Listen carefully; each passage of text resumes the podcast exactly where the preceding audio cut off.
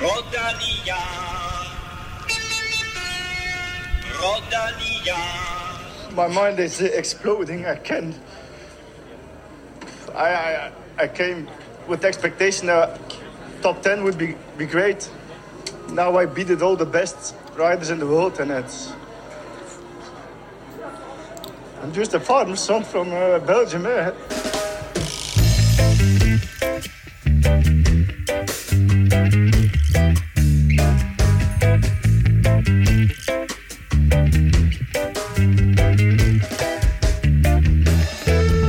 Just a farmer's son from Herning. Well, det her, det var Yves Lampard. Ja. Kæmpe overraskelse. Fedt med lidt drama. Og det her vinder- vinderinterview, måske en af de bedste nogensinde. En rørt Yves Lampard. Vi vender tilbage til ham. Kim, Tour de France i Danmark er i gang.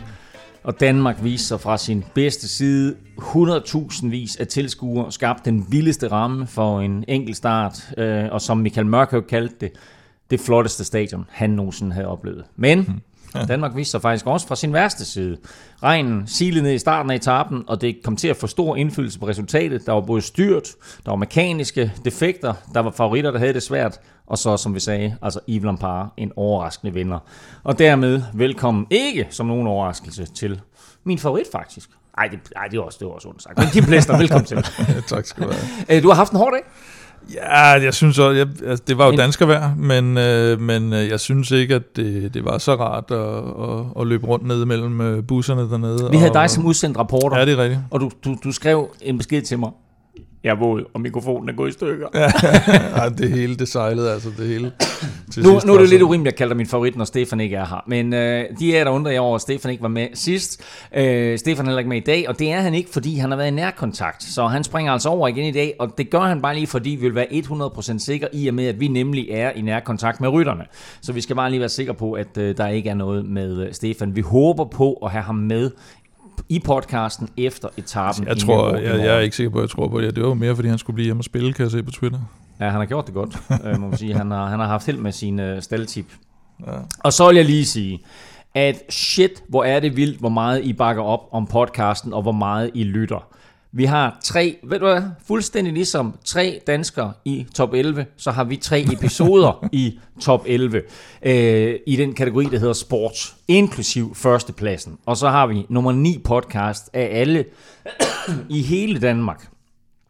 Altså, prøv at det, vi er kun overgået af store mediekoncerner og øh, af andre virksomheder, som har væsentligt flere ressourcer, dybere lommer og ikke mindst øh, statsstøtte. Så derfor en gigantisk tak til alle tierstøtter. I er årsagen til, at vi kan blive ved med at udkomme. Og vil du også sikre dig et fortsat steady flow af Velropa podcast, så hop gerne med på tiervognen.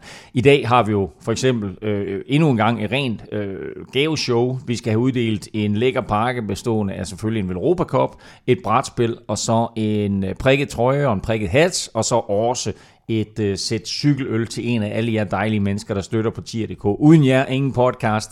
Tak til jer alle, der har været med i lang tid, og velkommen til, hør nu efter, Jens, Jannik, Morten, William, Helle, Rasmus, Esben, Kenny, og ikke en, ikke to, men tre oh. gange Martin. Og dermed, Kim, er vi forbi 800 støtter. Vanvittigt. Så 800 plus. Ja. Tak til jer alle. Mit navn er Claus Elming. Du lytter til Tour de France enkeltstarts udgaven af Velropa Podcast, præsenteret i samarbejde med HelloFresh, Rådet for Sikker Trafik og Odset. Velropa Podcast præsenteres i samarbejde med Odset fra Danske Licensspil. Vi glæder os til sommer og Tour de France på dansk jord, hvor Odset er stolt sponsor af Grand Depart Danmark. Følg med på Odsets hjemmeside eller i appen. Husk, at du skal være minimum 18 år og spille med omtanke. Har du brug for hjælp til spilafhængighed, så kontakt Spillemyndighedens hjælpelinje Stop Spillet eller udluk dig via Rufus. Regler og vilkår gælder. Vi kan ikke tale enkeltstart og Tour de France i Danmark uden også at tale tilskuere og stemning. Dagen startede med solskin, nogle få skyer. Stemningen var høj langs ruten, øh, og der var masser. Der var 100.000 vis af tilskuere, som sagt. Jeg cyklede ruten i morges, Kim.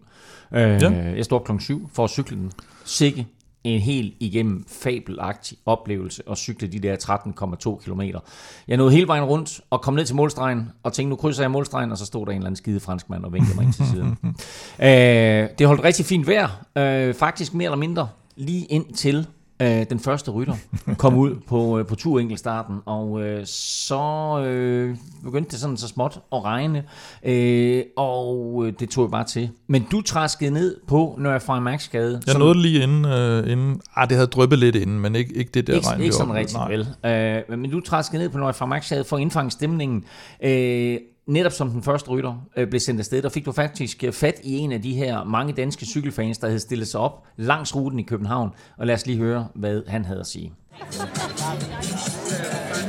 Alexander, prøv at starte med at fortælle, øh, hvor kommer du fra, og hvorfor er du her? Jamen, øh, jeg øh, bor lige over på den anden side af Dronning bro, og bor på Nørrebro, og så øh, vi er bare en masse mennesker her, der er klar til at se en masse cykelløb. Det bliver skide godt. Det er stort, det er i København. Hvor længe har I stået her? Jeg tror, vi startede med at sætte op klokken 10, og så har vi øh, lidt borer, lidt øh, blomster, lidt hygge her, og så masse bajer og sådan en god stemning. Og øh, den første rytter sendes afsted nu nede fra Jarmers Plads, og er vel øh, mere eller mindre heroppe om 30 sekunder. Hvem har du som favorit i dag? Uh, det er et godt spørgsmål. Men man håber jo, en øh, dansker han tager den, så en Jonas Vingegaard, det kunne være fantastisk, hvis han øh, lige hører den hjem. Tror du, han kan vinde Tour de France? Lad os, lad os sige, han kan. Skal vi ikke... Øh, vi tror på ham. Det gør vi.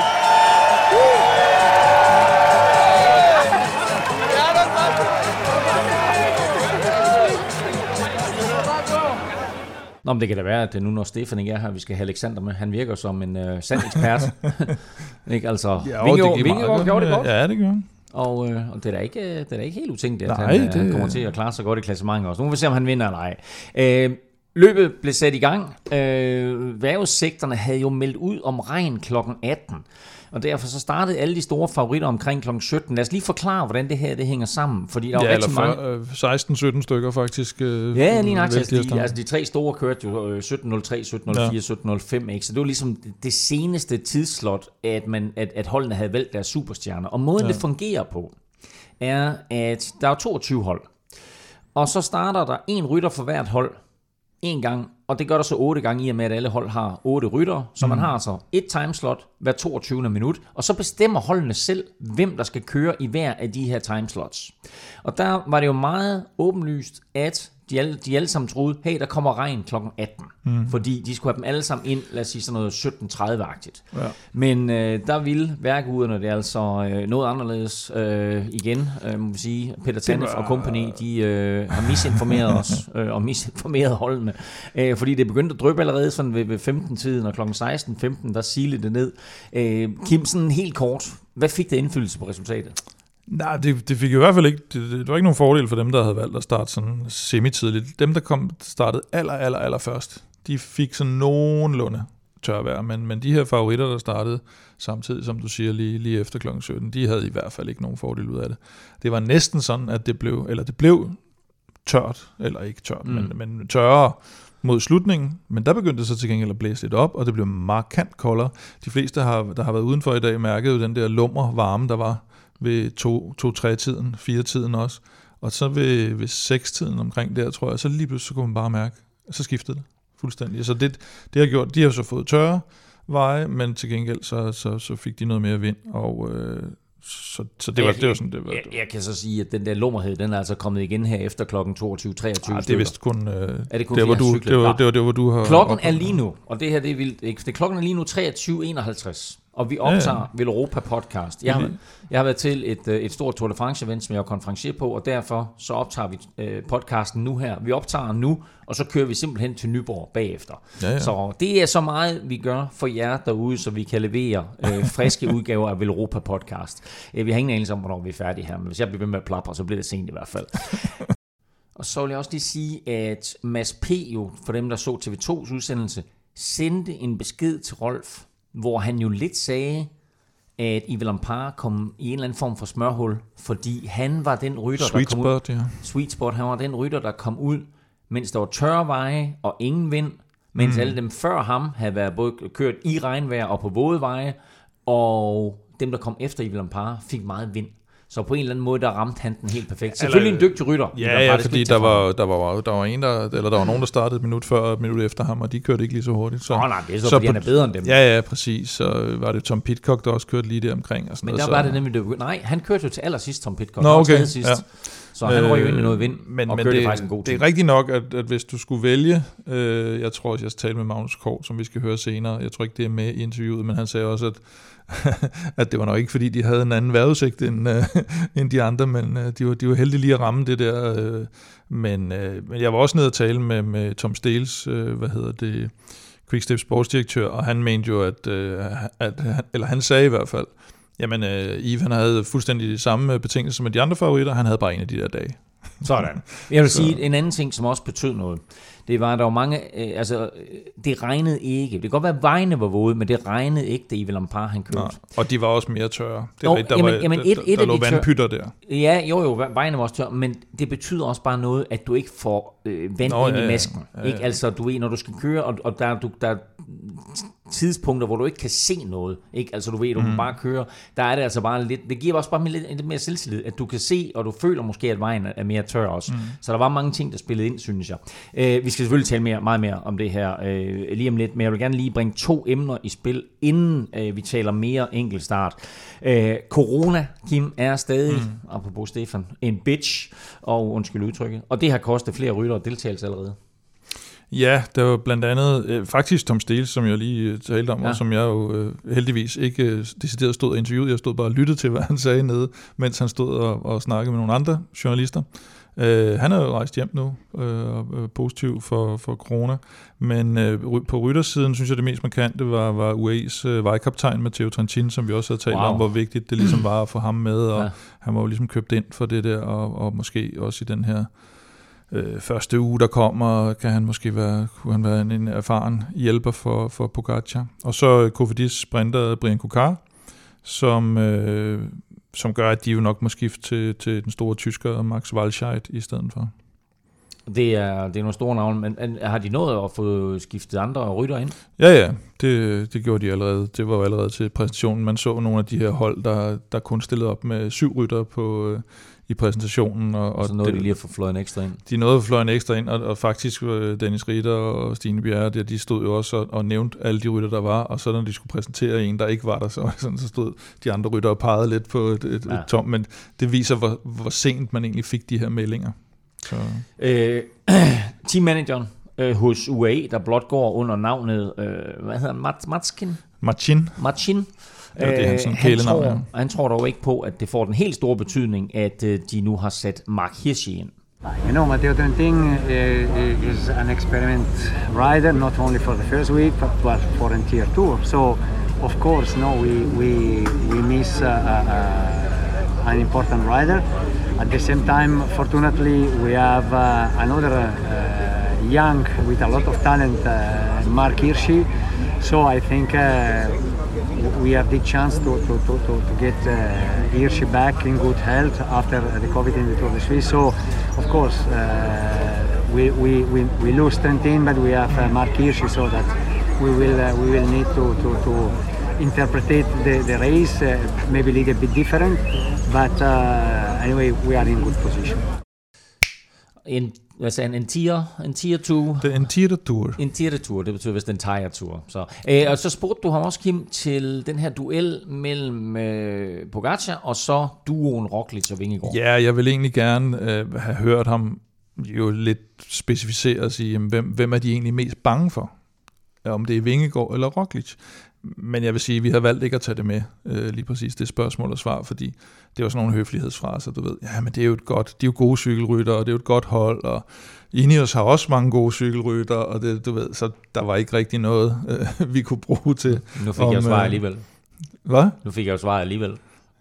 Bare fik- leveret af dig. Nå ja, nej, men jeg mener, at det var, det var sigende, at øh, det, det vil de åbenbart ikke. Og jeg tror meget af det handler om, at de fokuserer så meget på sig selv.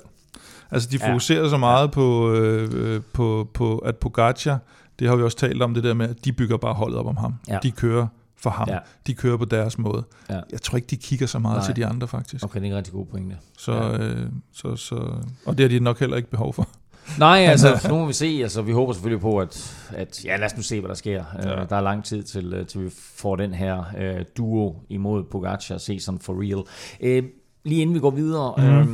um, så lad godt lige, vi, vi talte i sidste udsendelse om den her doping som Bahrain Victorious uh, var udsat for i sidste uge i Frankrig. Mm. Og de fik så endnu en ratcha uh, i Danmark i torsdags. Dans, altså i går var det jo. Ja, ja. ja det, er, det, det er svært at blive klog på. Jeg talte også med, med både nogle journalister og nogle for, for sporten, øh, eller, eller for nogle af holdene hernede i, i, i området med busserne der, og der, der er ikke rigtig nogen, der sådan helt kan finde ud af, om, der er, om det er fugl eller fisk, det her. Fordi på den ene side, så er det jo, at det har været så vedholdende, det har været så lang tid, at det er sådan lidt, jamen der må jo være, altså der må jo være et eller andet, siden de bliver ved i så lang tid. Fordi ellers... Altså, vi taler ikke, altså, når du siger et eller andet, er det Jamen, så de rygter, var, eller hvad er det? Nej, nej, men det er jo mere, at de var også i gang sidste år, hvor Dan hurtigt vinder, så laver han det der med øh, shh, ud Nå, til... Ja, ja, det er fordi at nu, nu var der allerede i gang, og det sagde de også selv, de har været i gang i et år, og de har ikke fundet noget, mener de jo, og nu siger de så, at de har beslaglagt nogle ting, og så kan man ikke helt finde ud af, om det var i København, eller om det var de der retsjer, de faktisk lavede, inden de kom til turen, hjemme hos rytterne. Men, men jeg ved ikke, det, det virker som om, de er ved at stykke et eller andet sammen, fordi de ved, der er noget. Mm. Og det tror jeg, de ved på baggrund af den her Ardalas, øh, Operation Ardalas, som jo fik, øh, fik nogle øh, af rytterne smidt ud for, for, hvad er det, ved at være et par år siden, og ham her, Christian Kolen, der kommer tilbage og vinder det slovenske mesterskab direkte fra, fra dopingkarantænen. Så øh, de har nok et eller andet, og de mangler noget, noget rygende pistol, som øh, de går og leder efter, eller om, eller om de måske kan stykke så meget bevismateriale sammen, at det bliver så tungt, at, man, at, at altså, det kan jeg holde har, jeg har, jeg har det sådan, at, det, at som, som regel så siger man, når der er røg, er der også ild, men jeg krydser bare fingre for, at der ikke er noget her. Jeg har, ikke, altså, jeg har bare ikke behov for, at der kommer en eller anden dum sag øh, i, i cykelsporten ja, det, igen. Det er der ikke nogen, der den glæde, vi ser i København i dag, ja, ja. den glæde over cykelsporten, det er også en glæde over en ren sport. Så jeg håber bare, at alle har ren mel i posen. Ja, og så kan man sige, så er det jo så er det jo ekstra dumt, hvis man øh, går og fifler med noget, hvis man gerne vil have, at, øh, at der skal jubles over en sport, så, så gør man det i hvert fald ikke ved at lave det der. Hvis det er, at de har, har gjort et eller andet. Præcis. Man kan sige, hvis de, har, altså hvis de har fået foretaget en ratcha en uge, inden de kommer til turen, og så har taget noget med til turen, mm. så, som jeg skrev på i tweet, så er de dummere end Luther Dirksens. Ikke? Altså, nå, men altså, det er jo helt fjollet. Det, det, øh, det, det tror jeg trods alt ikke, de har. Så jeg tvivler på, at der er blevet beslaglagt øh, noget af, af noget. Og, jeg, og jeg, hvis jeg skal gætte på noget, og det er jo så ud fra nærmest ingenting, men ud over mavefornemmelse, så er det, at jeg tvivler faktisk på, at der kommer noget ud af, ud af den her sag. Altså, jeg har det sådan, lidt, jeg håber på, at der ikke kommer noget ud af den. Øh, nu skal vi, lige om, altså, jeg bliver ved med at sige lige om lidt, lige om lidt, der skal vi tale enkeltstart. Men først, der skal vi quiz, øh, og øh, jeg går lige sådan her. Det er lyden af kort. Og øh, stillingen er jo den... Magnuskort. Stillingen er jo 14-9 til dig, Kim, og ja. Stefan er her ikke. Så Nej, vi gør det faktisk det bare... lidt uretfærdigt over for Stefan. Ja, det synes jeg. På sin plads. Men øh, jeg gør det her, fordi det her det er kort fra øh, det her spil, øh, brætspil, man kan vinde. Ved du, hvad du kan gøre? Hvad kan jeg gøre? Du giver mig minuspoint, hvis jeg svarer forkert. Hvis jeg vælger at svare. Okay, lad os sige det på den måde. Så får Stefan et point i stedet for. Så får, øh, så får du et minuspoint, hvis du svarer forkert, hvis du vælger at svare. Hvis jeg vælger at svare. Ja. og øh, altså, ja, som sagt, altså Pro Cycling Quiz øh, her øh, er helt tilfældigt trukket. Øh, og jeg kunne nok godt have trukket et sværere spørgsmål. det er Tour de France spørgsmål, og det går på, i hvilket øh, år blev Tour de France kørt for første gang? Hvilket år blev Tour de France kørt for første gang? Du har en tre kvarter aktivt et eller andet til at finde ud af, om du vil svare. Øh, der er ikke nogen valgmuligheder? Der er ingen valgmuligheder. Så øh, det var spørgsmålet. Er spørgsmålet forstået? det var sgu da pisse svært. Nej, alle ved det, hvornår det blev kørt første Nå. gang. Ja, okay. Men øh, ja, ja, spørgsmålet forstået. Så har jeg kun én ting til dig, og dig, der sidder og lytter med. Lad nu være med at google.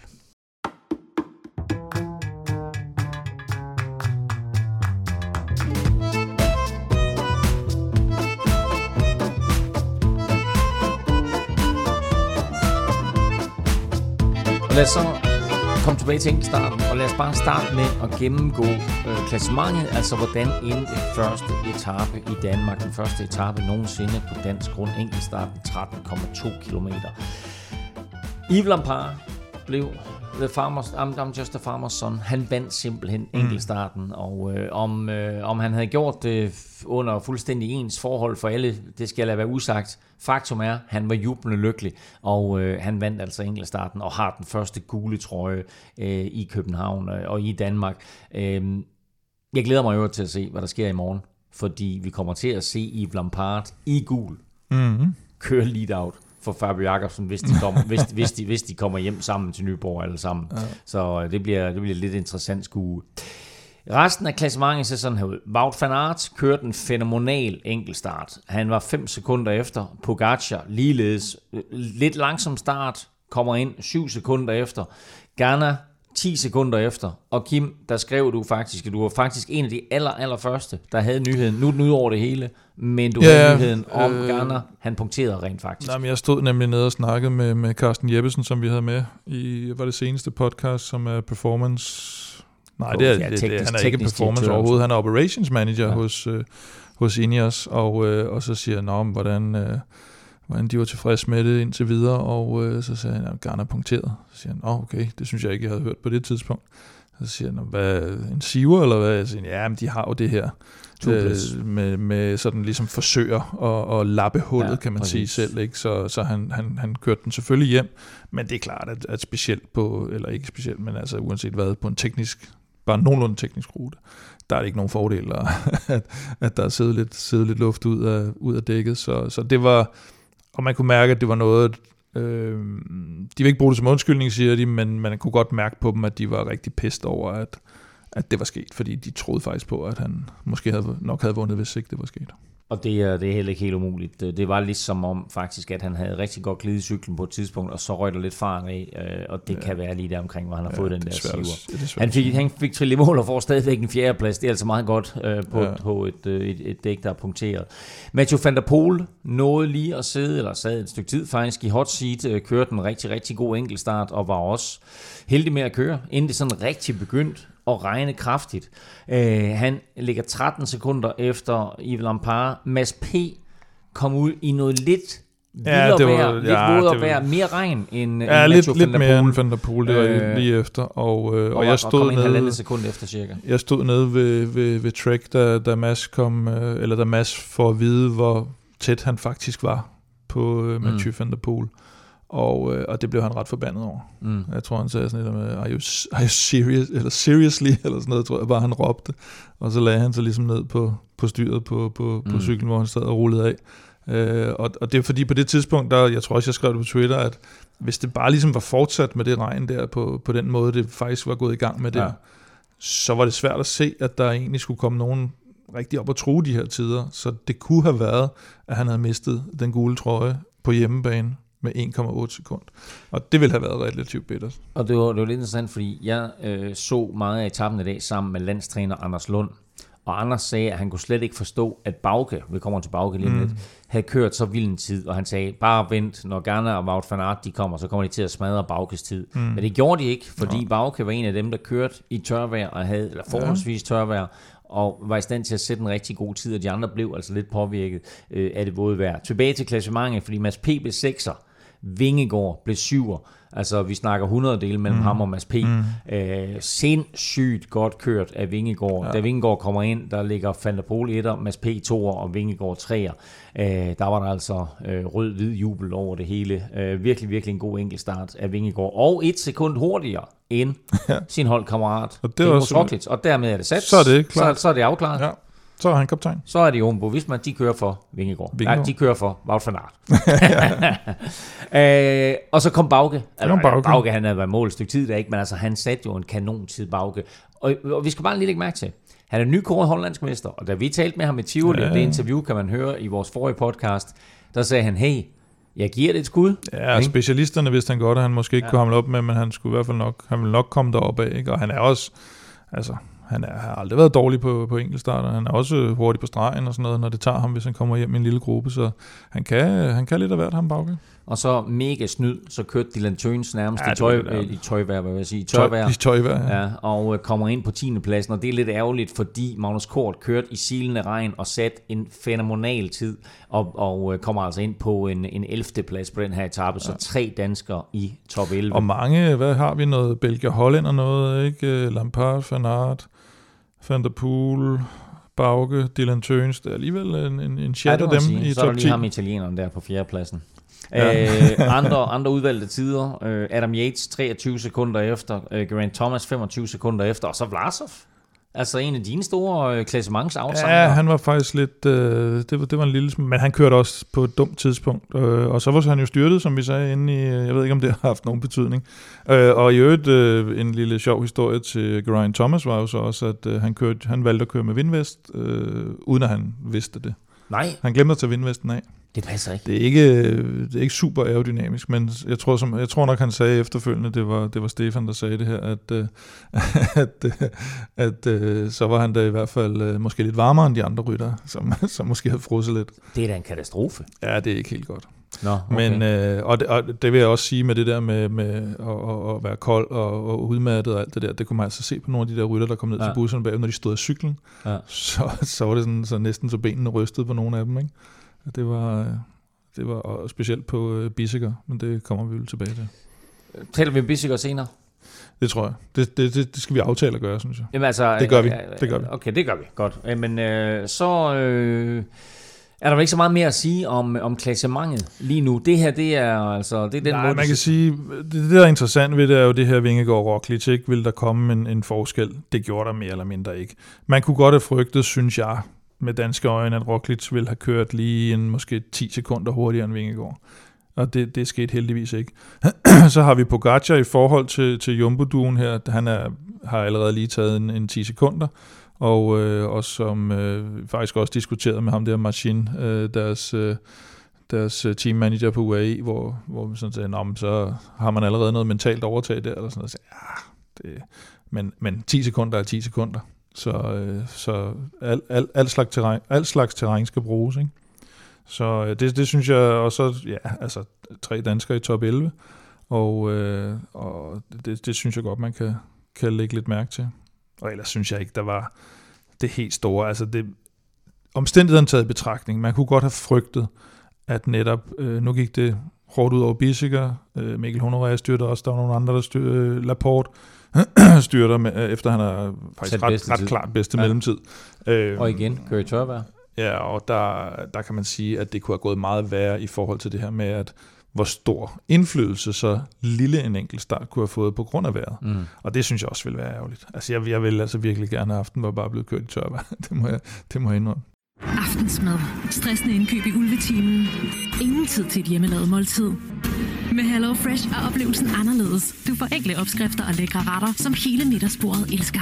Skræddersy din måltidskasse på hellofresh.dk for friskende enkelt. Hello Fresh er med os i løbet af Tour de France, og det er de selvfølgelig, fordi rigtig mange af jer har bakket op om Hello Fresh og deres supertilbud. Hello Fresh er måltidskasser med sund og varieret kost, masser af muligheder, og du kan prøve fire år nu med en rabat på 725 kroner. Gå ind på hellofresh.dk og brug koden VELOROPA22.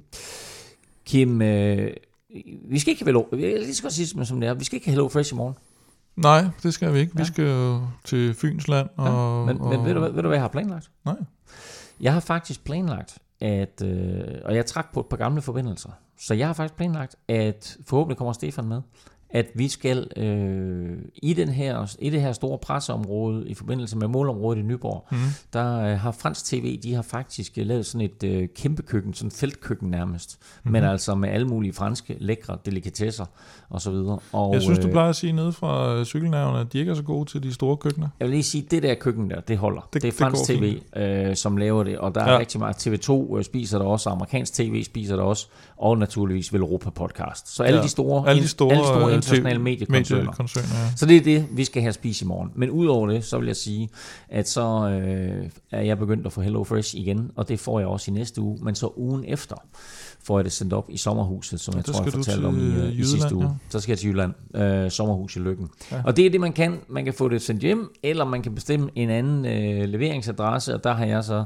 valgt at sige, at hey, lad os få noget Hello Fresh op i sommerhuset, og jeg har så samtidig også valgt nogle af alle de her øh, Grillmenu. grill, grill specials, øh, som de har. Så det er altså en mulighed. Så gå ind og tjek Hello Fresh. Se alle de forskellige muligheder, der er. Både kombinationen af måltider, men også øh, muligheden for, hvor mange måltider du vil have, og hvor du vil have det sendt hen, etc. Prøv Hello Fresh nu. Brug koden VELROPA22, så får du hele 725 kroner i rabat på din første måned. Du kan faktisk godt finde det her tilbud andre steder, men bruger du koden VELROPA22, så støtter du podcasten her. Og så må du altså meget gerne dele koden med venner og bekendte. Gå ind på hellofresh.dk og brug koden VELOROPA22.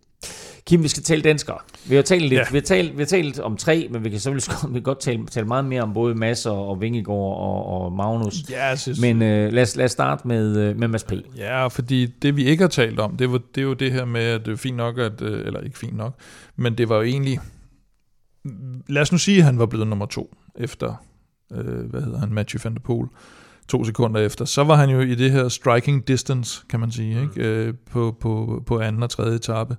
Øh, hvis han for eksempel vandt anden etape, og Van der Poel blev to, jamen, så var han lige pludselig tage føretrøjen. Så kom der jo altså lige nogen overhalet, og det vil sige, nu er han lige præcis over 10 sekunder efter for eksempel Wout van Aert.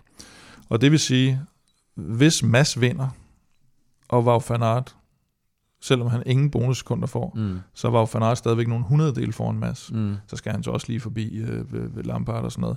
Det er en anden sag.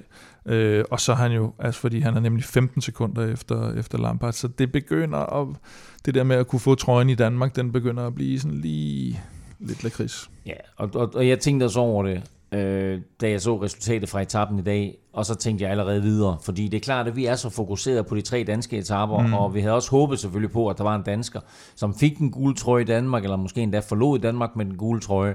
Men hvis vi kigger på masse chancer, så er der en svær etape i Nordfrankrig, og så er der brostens etappen. Ja.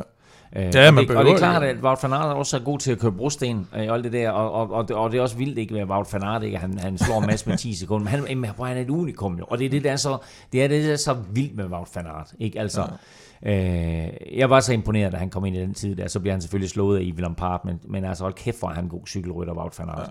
Ja, øh, men Mads kan godt vinde øh, trøjen, han godt, han godt få den gule førertrøje, men jeg tror desværre ikke, det sker i Danmark. Nej, men han kan så vinde en etape i Danmark. Det, det, Det er stadigvæk, kan et, han, det øh, stadigvæk et delmål for ham, og det, det kan han helt sikkert. Og øh, i morgen, der skal vi altså på Masses hjemmebane, så øh, han kender det der område op ved, ved Holbæk og Vedinge Bakker øh, ud og ind. Der er så desværre et stykke vej hjem deroppe fra, kan man sige. Der skal de lige hele vejen sydpå, ja. øh, og så ned til broen og over broen og alt det der. Øh, men altså, hey, hvis vi får sådan noget vejr som i dag, altså u- utilregnelig vind og øh, regnvejr og alt muligt, det kan blive splittet i atomer. utilregnelig vejrudsigt. Så ja. Mod alle forventninger. Lad os, vi, vi håber, ja. vi håber. Nå, Jonas Vingegaard, Kim, han øh, blev syver i samme tid som Mads P., øh, og som vi talte om tidligere til grund Ja. foran sin kaptajn Primus Roglic. Øh, hvad siger vi til, øh, hvad, hvad siger vi til ham? Altså, jeg, jeg er positivt overrasket. Ja, men det var som vi siger, at, at det kunne godt have gået, det kunne godt have gået galt, og det, og, og det, mm, Altså, når du siger, det går, går Ja, men galt, det, hvad kunne godt, det, det, det kunne godt gå lidt galt, det her med, at deres ambition er jo, at de ligesom skal komme igennem den her første uge, uden egentlig bare at tabe noget tid egentlig, og, og, og holde, sig, holde sig til. Men, men set i det her kaptajn-rivals lys, som der jo er på en eller anden måde, når man kører med, med to kaptajner, så kunne, det godt, så kunne der godt være nogle etapper, som lå lige en lille tand bedre øh, til Roglic i, i, inden for den første uge til halvanden. Øh, og hvis Jonas så havde tabt, lad os sige, 15 sekunder på alle de etapper, så er han lige pludselig et godt stykke vej efter, inden de rammer bjergene, og så vil det være nemmere for både Roglic og hans mandskab at sige, nej, nu er det klart, nu, nu er vi nødt til at køre for ham. Så derfor er det så vigtigt, at Jonas får sig til, og det, at han, øh, at han simpelthen tager et sekund på ham på enkeltstarten, hvor hvor Roglic i hvert fald, hvis man så øh, bookmaker og, og, og hvem der ellers øh, gav stjerner rundt omkring og, og satte mm. dem op, og så, så, så, så ville det som minimum have været omvendt, og måske med en 5-10 sekunder til, til Roglic, som man havde forventet, så det var, det var super positivt, og må ikke også, at, at, at hjemmebanen har, har, har båret ham lidt hjemmebanen og måske øh, mere erfaring i at køre regn end, end, ja, det er rigtigt, end, end, end Roglic. Ikke? Altså, vi så dem jo i Dauphiné, der slog øh, Roglic jo Vingegaard med, var det 20 sekunder, eller var det 30 sekunder? Så ja. øh, omvendt foretegn her, men altså et, et sekunds forspring, ikke at det betyder sådan vanvittigt meget, men bare en, altså helt ærligt en sensationel god øh, enkeltstart af, af Jonas Vingegaard. Og Magnus Kort kørte også vanvittigt stærkt og lå længe i top 10, men som vi talte om tidligere, så kom Dylan Tøns altså lige ind og øh, sneg sig ind på 10. pladsen, så Magnus han endte som nummer 11. Og så sagde du, Kim, øh, ganske rigtigt, vi, vi kom tilbage til Stefan Bissiger, fordi han var jo en af dagens helt store favoritter, og han øh, øh startede jo som nummer 8. Øh, jeg talte med Mathieu Brechel tidligt, altså mm. inden, øh, inden enkeltstarten gik i gang, og han sagde jo netop det her med, at de frygtede regn, så de ville starte Bissiger tidligt, så han mm. kunne sætte en god tid. Og så kommer han ud, og så styrter han ikke én gang, men styrter to gange og kørte jo i mål fuldstændig desillusioneret. Øh, og det var selvfølgelig noget, der satte en øh, dæmper på tingene i EF Easy Post-bussen. Du øh, talte med Magnus Kort efterfølgende. Var du inde i bussen der, da, da Bissek er ude på ruten? Ja, det var jeg. Ja, vi sad og så det. Det var inden jeg skulle øh, få alvor til at klæde om og, og gøre mig klar. Ej, det var lidt et, et lille mareridt der. Han, Først så, så tror jeg, han, han glider lige lidt i, i et sving allerede inde i nedbremsning. Ikke? Der, der, der sidder hjertet op i halsen. Altså. Øhm, og så et styr der, og så et til. Ja, det er, der var ikke, ikke det bedste stemning i bussen. Du skal ud ret kort efter. Hvad, hvad, hvad tænker du der? Ja, det gør det i hvert fald, at jeg lige tager den en, en ekstra tand med ro. Jeg tror, det er det, det samme for, for mange andre. Det kan jo godt være, altså, øh, folk, der, der startede lidt før, ikke har, har siddet og set det. Men hvis man ser folk, der, der sprøjter rundt på den måde, og og lægger sig ned, så, øh, så tager det jo selvfølgelig lige, øh, lige brøden øh, af, af angrebsløsene i, i svingene, men øh, det var måske også fint nok, altså jeg har heller ikke lyst til at, at ligge ned og, og rode rundt. Men din egen præstation, det gik vel lige så godt, som du havde forventet, eller måske endda bedre?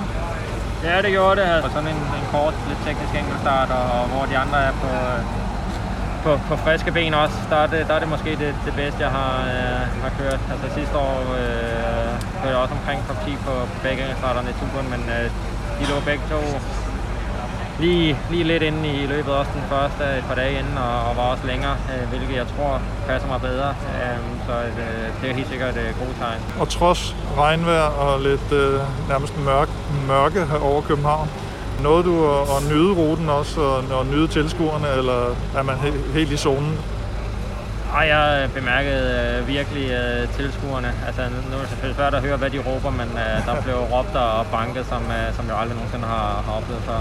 Øh, jeg, kunne, jeg kunne ikke høre Matti i radioen, men, øh, men det gjorde mig ikke så meget. Altså, det, var, det var fantastisk øh, at blive, blive prøvet øh, hele vejen rundt i, i alle øh, 15-16 minutter. Øh, jeg har aldrig oplevet noget lignende. Altså, det er jo ligesom at, at køre op af en, en af stigningerne i Flandern rundt, og så bare gøre det i, uh, i 15 minutter i træk. Altså, uh, der var gang ind. De to næste etaper har du sagt til sådan lidt, at det, der skal du nok koncentrere dig lidt om noget af mere klassementsrytter. Og så kommer der den her spændende første uge. Er det den, du sådan kigger på, eller kigger du længere hen? Øh, jamen, jeg tror lidt, altså den, den første uge her har vi nærmest øh, tre folk, vi, vi gerne vil, vil prøve at holde inde i, øh, i klassementet, og, og så skal vi ud og køre noget, noget cykel på angreb, øh, både med dem, men også med, med os andre. Øh, men, øh, men lige til at starte med, tror jeg bare, at vi, øh, vi følger med, og, og så når vi lige kommer, kommer lidt ind, så, øh, så begynder vi at, at, at få lov at, at få plads. Så det du siger, det er lidt, at i den, øh, den første uge, der kommer efter Danmark, der handler det mere om ikke at tabe tid. Ja, det, det, det tror jeg. Altså, øh, at være på brostensetappen og på... Altså, øh, altså, man kan jo godt sidde og prøve på ikke at tabe tid, men, øh, men det bedste er nok, altså hvis du sidder i en situation, hvor man kan angribe, så, øh, så skal man også angribe. Øh.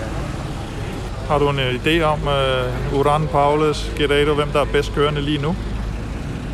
Nej, det tør jeg ikke sige. De, de kommer lidt fra øh, forskellige øh, vinkler. Øh, og, og har jo kørt uh, rigtig stærkt, både Paulus og, og Guerrero uh, herinde, og, og Oran uh, har også været god i træning. Ja, men indtil videre holder vi, holder vi alle muligheder åbne. Og lige nu ligner Yves Lampard en vinder. Havde du, uh, Har du fået spillet på den inden etappen? Nej, men nu må jeg ikke selv spille, fordi jeg deltager. Ellers havde jeg. Nej. Frisk interview med øh, Magnus Kim. Øh, han virkede glad. Altså selvfølgelig lidt skuffet på Bisikers vegne. Og, øh, Ja, det, det gav lige lidt et chok. Der. Jeg, jeg stod faktisk op ved deres bus, dengang det skete, og man kunne godt se, de, de stod sådan og talte sammen, og så først var det første styrt der, og så kunne man bare se, så var der sådan en gravkammerstemning. Mm. Det var jo deres klare favorit i dag, Ja. ikke, til, en- til en etappesejr. Og så lige så er der så en, der siger til, did he crash twice?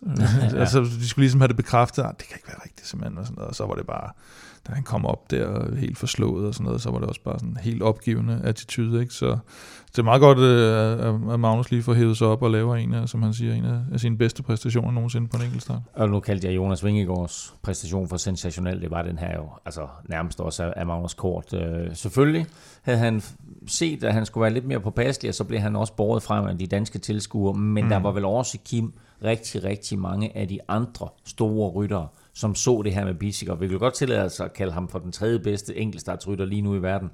Og 4. 5. så. Ja, nå, nå, men det- han, han, han ligger ja, han ligger der. deroppe, de- ikke? de Et eller andet der, sted. ja. I hvert fald i top 10. Nej, men prøv Top 5 kunne du nok godt få Altså, ind i. at han styrter, ja. det må også sende et signal til Ghana og Wout van Aert og, og klassementsfavoritterne. Ja, og specielt, jeg var meget overrasket over, at, sådan, at, at Pogacar, men det er jo meget typisk Pogacar, jeg tænker også sådan, ah, nu tager han det vel stille og roligt. Altså, og, og du Vingegaard, det synes Vingegaard jeg det faktisk, jeg synes Pogacar tog det meget gelente i starten, og så tænkte jeg, wow, han kommer til at tabe tid. Ja. Og så skal jeg ellers love for, at han satte turboen på. Ja.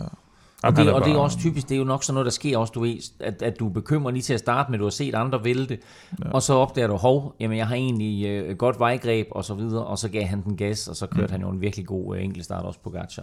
Øh, apropos styrt, så øh, havde vi jo en dansker, som vi glæder os meget til at se, øh, vidunderlig Mikkel Honoré, øh, som jo kom ud i noget, der mindede om øh, tørvejr, men det var altså ikke tørt fører, fordi han måtte også en tur i asfalten og øh, endte som nummer 87.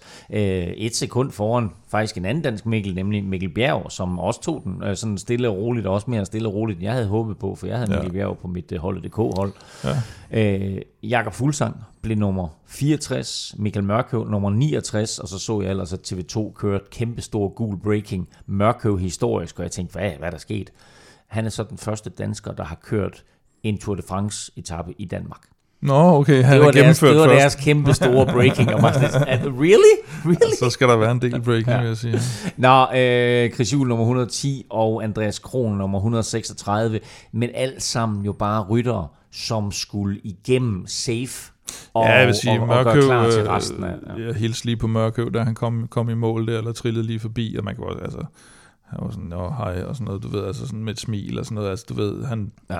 han skal jo ikke have et resultat, så for ham har det jo sikkert været det her med bare at komme rundt på ruten i Danmark, det har jo været super fint, fordi han, ja. han, der ikke været noget pres på ham, så nu var det ligesom overstået, og der var nogle andre, der havde lidt mere alvorlige miner på. Det var, det var det bedste stadion, han havde spillet på. Ja, Så, rigtigt. Så jeg lige sige et par, øh, eller gentage et par af de her kommentarer, som rytterne kom med øh, til TV2. Øh, Michael Mørkøv sagde efterfølgende, at det vigtige for ham, det var selvfølgelig etape 2 og etape 3, hvor de skal køre Mm. for, for Fabio Jacobsen. Mm. Der er jeg faktisk lidt i tvivl om, han vidste. Det, på det tidspunkt, da han siger det, der ved han ikke, at Yves Lampard vinder. Så det kan godt være, at- fokus er ændret en lille smule. Ja, det er ændret, men de, de skal stadigvæk køre efter, efter Fabio Jacobsen, og, det, og typisk for Quickstep, så har de jo også, øh, altså de har jo det her med, at de, de spiller på flere ting, ikke? At øh, øh, både øh, at forholde føretrøjen og vinde etape, det skulle de ikke. Og det får mig jo faktisk til at tænke på noget, som vi egentlig lige skulle snakke om, og øh, omkring øh, Yves Lampard. Jeg var inde på, øh, eller var, var vi inde på det der med, hvor hurtigt vi ville glemme den episode, der var i, hvad var det? Hvad var det for et løb? Belgien rundt, var det det? Hvor hvad? Hvor han slog en... Ja, hvor han blev diskvalificeret. Ja, han blev diskvalificeret for at slå Og en- alle var imod ham i hele Ja, verden ja, og alt det ja. der. Wow. Det er der ingen, der taler om i dag. Nej. Det er jo hvad? Ikke engang to uger siden. Ja, det er rigtigt. Der var han den ondeste menneske i hele verden, og nu er han øh, landmandssønnen fra, Wow. fra havde- Flandern, der sidder... det. Ja. Nå. Og, der, Okay. og, og det, jeg kommer til at tænke på der, var jo netop, at der kørte de jo både for, for samlet sejr, og, Mm. og, og de kørte for, hvad hedder det, øh, og Fabio Jacobsen snupper jo så faktisk den sidste etape. Ja. Ja. Så det kan de sagtens håndtere, det der med at, at, at spille på, på begge ting, tror jeg. Ja, altså de, de kan nappe etappesejren i morgen med Fabio Jacobsen og stadigvæk have Lampard i gult. Øh, så var der også et interview med Nicky Sørensen, som rent faktisk svarede på det spørgsmål, øh, vi gerne vil have stillet til Jakob Fuglsang inde i Tivoli, nemlig om han ønskede at holde sig til i klassementet. Øh, hans enkeltstart. For det første, den der øh, startplacering, han havde i dag øh, sidst mm. i feltet, indikerer, fordi der var mange, der havde forventet, at der ville komme regn, den indikerer vel helt sikkert, at han ikke kører efter øh, klassement. Og så sagde Nicky Sørensen også, at det vigtigste for, for Jakob Fuglsang, det er etappesejre, og at han derfor bare skal holde sig ude af ballade den første ja. uge, hvor der er de her hektiske etapper i Danmark, der er den der sidevindsetappe, og så er der brostenene, altså sidevindsetappen i, mm. i Nordfrankrig, og så er der brostenene. Han skal holde sig ude af ballade der, og derfra der begynder Jakob Fuglsangs øh, tur så. Øh, inden sit styrt, i, lad os lige tale Kasper Askren. Uh, mm. Inden sit styrt i, uh, i Schweiz rundt, der var Kasper Askren en af favoritterne til dagens enkeltstart, men som vi uh, ved selvsyn så i uh, Tivoli, så var hans, hans krop altså uh, ja, fuldstændig bundet ind i, i plaster og forbindinger, og han havde dybe sår både på knoerne og på knæene. Uh, så han måtte jo i stedet for glæde sig over, at det blev Yves Lampard, som, som tog den gule førertrøje. Det her, det blev ikke den enkelte start, som Kasper Askren havde håbet på, og du fik også en snak med ham, Kim. Det ser ud til, at Yves Lambert han måske tager den gule føretrøje. Hvordan øh, balancerer du det med... Du må jo alligevel have været lidt skuffet over, at du ikke har mødt klart op her og kunne fyre den fuldstændig af. Og så glæden over, at holdet måske tager, øh, tager trøjen. Ja, men altså, det er jo også noget, jeg har, jeg har godt har vidst i et par uger nu. Øh, så og jeg glæder mig bare mega meget over, at Ivan har kørt så imponerende stærkt det er, det er virkelig fedt. Han fortjener det. Er det jeres øh, sorte huer, der, der, der gør, at han lige pludselig har fået vinger? Det kunne godt, det kunne godt være, ja. Hvad er det for, en, øh, hvad er det for noget? Det ser, sådan, det ser rimelig spacey ud, når I kommer kørende ned. Jamen det er simpelthen til at holde øh, ørerne og, og håret på plads ind i hjelmen, fordi der er, den er designet til at have noget airflow ind igennem hjelmen. Øh, og det er klart, hvis hår og ører og alle mulige steder i vejen til at få det airflow, så øh, hjælper den ikke så meget. Og hvad med fremadrettet? Du er stadigvæk bundet godt ind og har lidt, øh, lidt skrammer, hist og pist. Hvornår, hvornår tror du, at din krop er klar? Forhåbentlig inden Champs-Élysées. ja, ja, skønt svar Kasper Asken, og dejligt, dejligt også Kim at høre, at han trods alt kan glæde sig over, over Lamparts gule trøje, øh, og at han virker, han virker glad på en eller anden måde. Ja, ja, humøret var ikke uh, helt væk. Altså, jeg synes godt, man sådan grundlæggende selvfølgelig kan mærke, at, at det her København, det her Danmark, det blev bare ikke det, han havde håbet på. Og den skuffelse sidder øh, dybt i ham, og den kan han ikke helt skjule, men han formår også trods alt at, at glæde sig over de ting, der så er. Altså præsentationen, Lamperts guldtrøje, og at han faktisk er med i turen, mm. i stedet for at han ikke er med. Og så må vi jo se, om han ikke, om han ikke kan ramme noget, der ligner noget form øh, inden Champs-Élysées. Sådan, det var øh, lige vores øh, korte gennemgang af danskerne her. Nu skal vi faktisk sige goddag til vores nye partner. Skal du ikke have hjelm på? Jeg synes, den er ret irriterende, den. Den giver sådan en uh, kløe i hårbunden. Svend, ja? I kan plyndre lige så tosset I vil, men I tager hjelm på. Ja. Du har sikkert set reklamen for Rådet for Sikker Trafik med vikingen, der er på togt uden hjelm. Her under Tour de France, der vil vi gerne sammen med Rådet for Sikker Trafik opfordre dig til, at du tager hjelm på, når du tager på togt. Øh, Lars Bak kommenteret enkeltstarten i dag, og han er fast medvært på TV2's aftentur. Jeg talte med ham inden turen om et styrt, ikke hans eget, men derimod Alexei Kivelevs styrt i 2003. Kivilev faldt i lav fart, slog hovedet i jorden, vel at mærke uden hjelm, og døde få timer senere. Dødsfaldet var stærkt medvirkende til, at UCI efterfølgende indførte hjelmpligt for alle. Jamen, det var jo i Paris-Nice 2003, og øh, det var på et tidspunkt, øh, hvor man ikke øh, behøvede at køre med hjelm, og øh, det var der jo nok halvdelen af feltet, der gjorde. Øh, og det var, som jeg husker det, etappen til Saint-Etienne, hvor han rodede med nogle ting i, i baglommerne, og så, øh, ja, vi kørte ikke engang specielt stærkt, vi kørte lidt opad, og så jamen så styrter han og, og knaller hovedet ned, og så øh, ryger han jo i koma, ikke? Og så finder vi ud af senere, at øh, han desværre døde jo. Det var jo vanvittigt tragisk. Så det er ikke noget med, at han falder ud over en kant eller noget i den retning, som vi har set andre ryttere gøre? Nej, øh, feltet var, øh, var, var faktisk samlet, og, øh, og han sidder inde midt i, i klyngen, og så, øh, ja, så skal han, han, han rode med et eller andet i lommerne, ikke? Og så, øh, og så ja, vælter han simpelthen inde midt i, i feltet. Jeg, jeg, jeg mener, jeg var sådan 10 10 placeringer bag ved ham, og så vi så godt, han styrtede, og så kørte man jo videre, fordi det, der var jo mange, der styrtede hver dag på sådan en etape, så øh, det var ikke noget, jeg tænkte videre over, faktisk. Havde du selv hjelm på den dag? Jeg tror, den dag havde jeg hjelm på, ja. Men øh, det var jo der, der de år, hvor, hvor man kunne vælge. Jeg var jo blevet professionel øh, i 2002, og ja, der kørte jeg jo også øh, ja, nogle, nogle løb uden hjelm, ikke? Som, det var fuldstændig vanvittigt, man gjorde det, men, men, men så var det jo dengang. Øh, nu var det så sådan, at i, i nogle lande skulle man have hjelm på, øh, også på den tid, men for eksempel i Frankrig, der var det frivilligt øh, som professionel, om man ville have hjelm på eller ej. Og hvad skete der så dagen efter?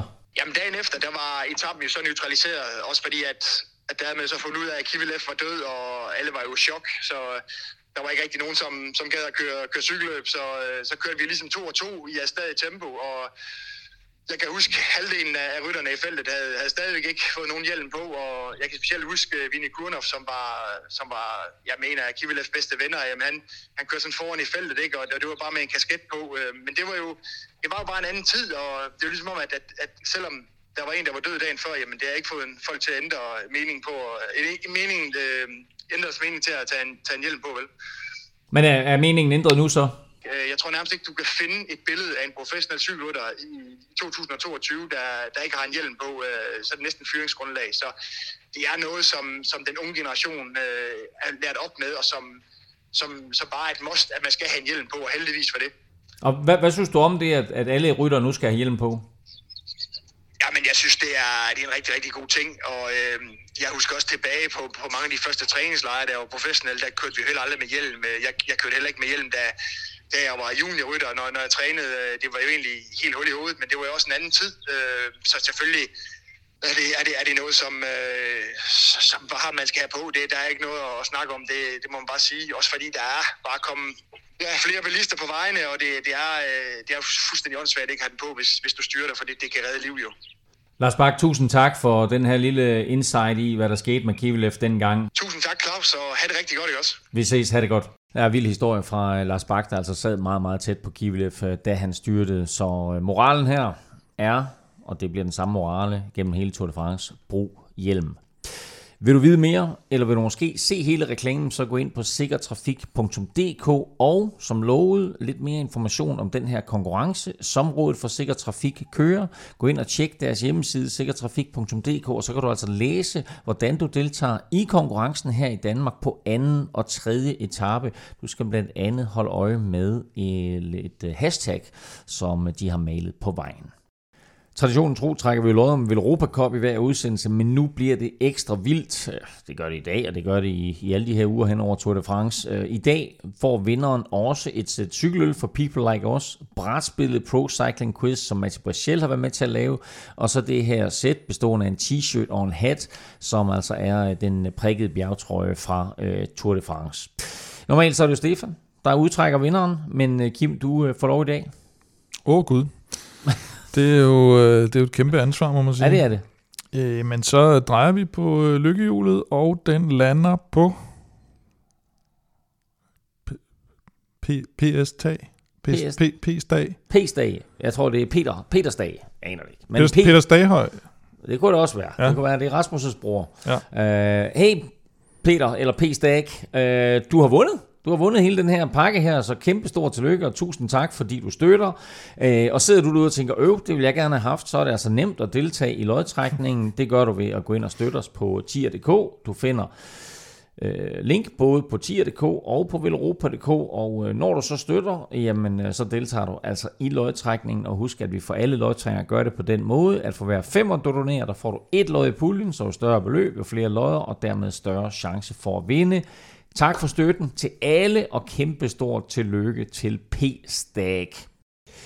Vi talte i vores optag om, at øh, Bike Exchange har taget, hvad hedder det, Bike Exchange Jayco hedder det for at være helt ja, præcis, det er øh, har taget både Dylan Groenewegen og Michael Matthews med i en uh, Tour de France, hvor vi også har været inde på, at det ikke ligefrem flyder med etaper for hurtige folk. Men du, uh, Kim, gik jo ned til uh, teammanager Matt White for at høre, hvad der var meningen med galskaben. Last year we chased the green jersey half out of desperation, you know, because we were in a position it was at the start where he rode really well in the first part of the race, and then obviously when Simon Yates and Lucas Hamilton crashed out of the race, we had nothing. We had nothing else to do, and, and Michael was in a position where we could chase that jersey.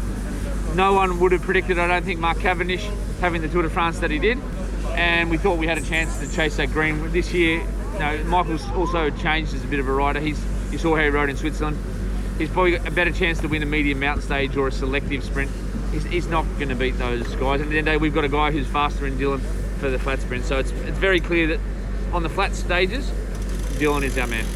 There's been a lot of talk about not being that many flat stages this year, not being that many chances for the pure sprinters. Six maximum. Yeah. Yep. Three in the three in the first week, three in the last week. And, and Michael showed last year his versatility when he finished third on a stage in the Pyrenees. Michael is very versatile. Michael's versatile. So our plan was originally to bring come here with Simon Yates as well for stages. We, we haven't been able to bring bring Simon here, so we just both been able to bolster our roster here to be a little bit more versatile across the flat and the medium mountain stages. And everything is about stages this year for you? Oh, no, we haven't got anyone who can ride No, that. No, no, 100%. Cool. Cool, thanks, mate. No worries, mate. Meget sjovt at høre Matt White fortælle om her, at de sidste år er jo lidt i desperation gik efter at vinde den grønne trøje, og det minder mig faktisk lidt om det år, hvor Contador styrtede ud af Tour de France, og Bjarne Ries og Team Saxo Tinkoff, eller hvad de hed mm. på det tidspunkt, sadlede om, og så lige pludselig gik efter etappesejr. Michael Rogers vandt en, Rafa Marquez vandt en, Rafa Marquez Mm. endte med at vinde den prikkede bjergtrøje. Ja, det var- og det er rimelig blandet de der mandskaber der, som er i stand til på den måde at sadle om, og der må vi Mm. bare sige, der er Matt White jo en af de mest rutinerede i feltet. Ja, og, så- og, og netop, de har jo så også gjort det lidt i år, hvor de jo egentlig havde håbet på at få Simon Yates med, og så, øh, så skal de lige pludselig bare gå rent på, på etappesejr. Så det kan godt blive øh, interessant. Der er i hvert fald ikke en, nogen, der, noget, der holder dem tilbage, og som vi også talte om, så, så mange øh, sprinteretapper bliver der heller ikke, men, men at det er Dylan Røvne væggen selvfølgelig, når det, når det er sådan decideret sprinteretapper. Og så må vi se, hvad Matthews, han kørte jo meget godt i dag på, på enkeltstarten, Han kørte top 20 han kørte, øh, ja, ja, på han den kørte her, på et godt tidspunkt også, men Ja. han, kørte, han blev nummer 17 i dag, altså 25 sekunder efter Yves Lampard. Selvfølgelig med den der fordel med vejret, men altså super, super god start på enkeltstarten. for Formen ham. er der. Vil Europa Podcast præsenteres i samarbejde med Odset fra Danske Licensspil. Vi glæder os til sommer og Tour de France på dansk jord, hvor Odset er stolt sponsor af Grand Depart Danmark. Følg med på Odsets hjemmeside eller i appen. Husk, at du skal være minimum 18 år og spille med omtanke. Har du brug for hjælp til spilafhængighed, så kontakt Spillemyndighedens hjælpelinje Stop Spillet eller udluk dig via Rufus. Regler og vilkår gælder. Odds for Danske Spil er med som partner under turen på Velropa Podcast, og du kan løbende finde de klassiske Velropa Specials på Odds.dk, Stefans Staltip, Plesners Podie og Velropas vinder. Og som sagt, så håber jeg også på, at vi finder en enkelt af Claus' kup eller to undervejs. Øh, gennem hele Tour de France kan du også spille med helt gratis i Odds-quizzen og vinde de officielle trøjer fra Tour de France, altså den gule, den grønne, den hvide og den prikkede. Normalt så får du fem udsagn, hvor du skal svare på øh, de her fem udsagn og se, hvor mange du får rigtigt. Men her under turen, der gør vi det ret simpelt. Du får et spørgsmål, og øh, spørgsmålet til i dag var ganske enkelt. Hvem vinder enkeltstarten? Og øh, jeg må bare sige, der var ikke nogen, der vandt. Så øh, den trøje, vi havde til udlodning i dag, blev altså ikke vundet af nogen. Yves Lampard vandt etappen, men der var ikke nogen, der vandt den trøje. Til gengæld så er øh, Otterquizzen for anden etape allerede oppe, og igen er spørgsmålet ganske enkelt. Hvem vinder etappen? Gå ind på facebook.com velropa og giv dit svar, så deltager du altså fuldstændig gratis i konkurrencen. Der er kun tre krav for at være med. Du skal være mindst 18, du skal bo i Danmark, og så skal du have en blå konto hos Odds. Og husk, at Odds naturligvis også leverer øh, odds til alle etaper i Tour de France, så du også skal spille på den samlede vinder med mere. Så husk altså Odds-quizzen på facebook.com-velropa. Og nu skal vi naturligvis have fundet en vinder i quizzen, fordi øh, jeg stillede et spørgsmål tidligere, og det var jo øh, alternative regler, kan man sige. Fordi, Ja, det var Øh, du fører 14-9, og du fik spørgsmålet, og så lidt sådan, ala, øh, hvem vil være millionær, så kan Ja, ja, du nu vælge at svare på spørgsmålet, eller ikke at svare på spørgsmålet. Du er sikret 14 point lige pt. Vælger du at svare, kan du få 1 point og komme op på 15. Vælger du ikke at svare, så bliver du på 14. Vælger du at svare og svare forkert, så ryger du ned på 13. Hvad? Ej, skal vi ikke sige, at Stefan ryger op på 10, så? Jeg vil helst ikke have frataget et point. Du vil ikke have frataget point. Nej, det vil Jamen, så forærer vi Stefan ja. et point. Godt. Jeg burde lade være med at svare, Ja. for jeg kan ikke svare. Nej, godt. Og spørgsmålet Men- var jo simpelt. Hvilket Ja. år kørtes den første Tour de France? Øh, men jeg tænker, i, jeg synes faktisk, at Stefan har været frisk og, og, og skudt på, til højre og venstre. Så jeg vil egentlig godt give ham chancen. Også fordi han, øh, han kun har vundet et utroligt højt beløb i dag på, på oddset. Så øh, jeg, jeg, jeg satser og, øh, og, og giver et point til Stefan ved at sige øh, 1908. 1908, Kim, jeg er skuffet. Ja. Jeg, jeg er skuffet. Altså, det er jeg oprigtigt. Jeg havde regnet med, at det var sådan noget, altså, du, kan, at du er så gammel, du næsten kan huske det jo. Øh, men øh, nej, det korrekte svar, Kim, det er 1903. Ah, så er det da, Så. det er 8 eller 3 tal er stort set det samme. Det ikke? er, hvis du lige, Lige spejler, spejler tretallet Ja, på den så kan du nærmest få et otal. Hvor er det forkert, Kim? Og dermed så ja. scorer øh, Stefan simpelthen det in absentia et point. Første point i to måneder eller sådan Ja, ja, men jeg tror bare, han skal blive væk, du ved. Det ender med, at det skal uafgjort efter Tour de France. Nå, det var altså, øh, det var quizzen for i dag, øh, og dermed så er stillingen lige pludselig 14-10. Stefan, han bliver jo glad, når han hører den her podcast Ja, det i tror jeg også. morgen. Vi er nemlig tilbage allerede i morgen, og det er vi med analyse af anden etape. Vi er på plads i Nyborg, når rytterne kommer ind der, og vi er faktisk også med i Sønderborg på søndag efter tredje etape. Husk, at vi også lavede den her traditionelle turrute gennemgang med fabelagtig og nørdet Kasper Ankagård, der tog samtlige 21 etaper uden noter. Gør dig selv den tjeneste og gå ind og lytte til det afsnit. Og ellers så gå ind og lyt til afsnittet, hvor du, sådan, du bare lige lytter til de der 3-4 minutter, han har om hver etape. Det er en sindssygt genial måde at, øh, at blive klar til, øh, til etappen på. Så gå ind og lyt til vores store turoptag, som Kim altså lavede med, med Kasper. Hvis du vil vinde Europa Cup og øh, nogle af de her øh, mange præmiepakker, vi har under Tour de France, så hop ind og støt os på tier.dk. Og hey, så må du altså meget, meget gerne gå ind og give os nogle stjerner og en anmeldelse i din podcast-app. Det hjælper os til at komme ud til endnu flere danske cykelfans. Vi vil meget, meget gerne bibeholde øh, de der første pladser og top 10 placeringer, vi har på diverse hitlister, og det kan I altså hjælpe os med. Indtil vi høres ved, som altså er allerede i morgen, så kan du følge, eller i aften for en sags skyld, for du hører næppe det her, øh, før øh, du står op. Øh, indtil vi høres ved, der kan du høre Kim og Velropa på Twitter, på Snablag Velropa. Stefan finder du på Snablag Stefan Djurhus, og undertegnet finder du alle steder på Snablag Filming. Tak for nu, tak fordi du lyttede med, tak til alle vores støtter på tier.dk. Uden jer, ingen Velropa podcast, og naturligvis stor tak til vores partner HelloFresh, Rådet for Sikker Trafik og også støt dem, de støtter os. Og normalt så vil jeg jo slutte af med her og sige, alle, alle, eller noget i den retning. Ja. Men vi laver faktisk en lille hyldest her. Fordi Yves Lampard vandt enkeltstarten i dag i København. Han kører i gul på anden etape. Øh, vi mødte for et stykke tid siden en ung super 2015 var det, 2015. Flandern rundt. Der mødte vi en, øh, en, en ung super, eller en kæmpe fan, jeg ved ikke, hvor ung, men en kæmpe fan af Bert, som øh, øh, har fulgt Yves Lampard siden han var... Ja, siden Lampard fik debut som 16-årig i hvert fald. Præcis. Uh, og det her det er altså optaget i Flandern rundt i 2015. Det er et interview lavet af Christian Møller Nielsen, som også er blevet seniorkorrespondent. Ja, ja, vi har en del uh, Det seniorkorrespondenter. var- Mange, meget få juniorkorrespondenter. Ja, præcis. Og ikke meget ret mange af dem er aflønnet. Uh, det snakker vi ikke om. Uh, nå, prøv at høre. Det her det er bare en lille ekstra bonus, og uh, lyt til den, hvis du har lyst. Uh, det er altså en, uh, det giver et indblik i, hvor det er, Yves Lampard kommer fra. Og så øh, skal jeg lige beklage, hvis det er sådan, at, at øh, interviewofferet øh, Bert her, han, han leder lidt efter ordene. Der er noget med, at Kim han har drukket siden. Siden syv om morgenen, tror jeg, de, de gik i gang ude på Kvartemont dengang. Ja. Så, men her er en lille ekstra bonus fra os til jer om dagens vinder af enkeltstarten, den første etape i Danmark, Yves Lampard. Hey, hvad? Der kiggeflæs helt i hjørnet. I'm uh, Bert van Winsberg.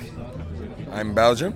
Um, I love uh, Flanders very much, and uh, I'm here for support uh, the rider uh, Yves Lampard because I I know him uh, because the first uh, ride he, he did he, he was uh, 16 and uh, we go we go with his uh, brother and uh, of all the guys and uh, we love cycling uh, in Belgium. Uh, yeah, Yves Lampard is from the west of Flanders, the west of Flanders, and he like that is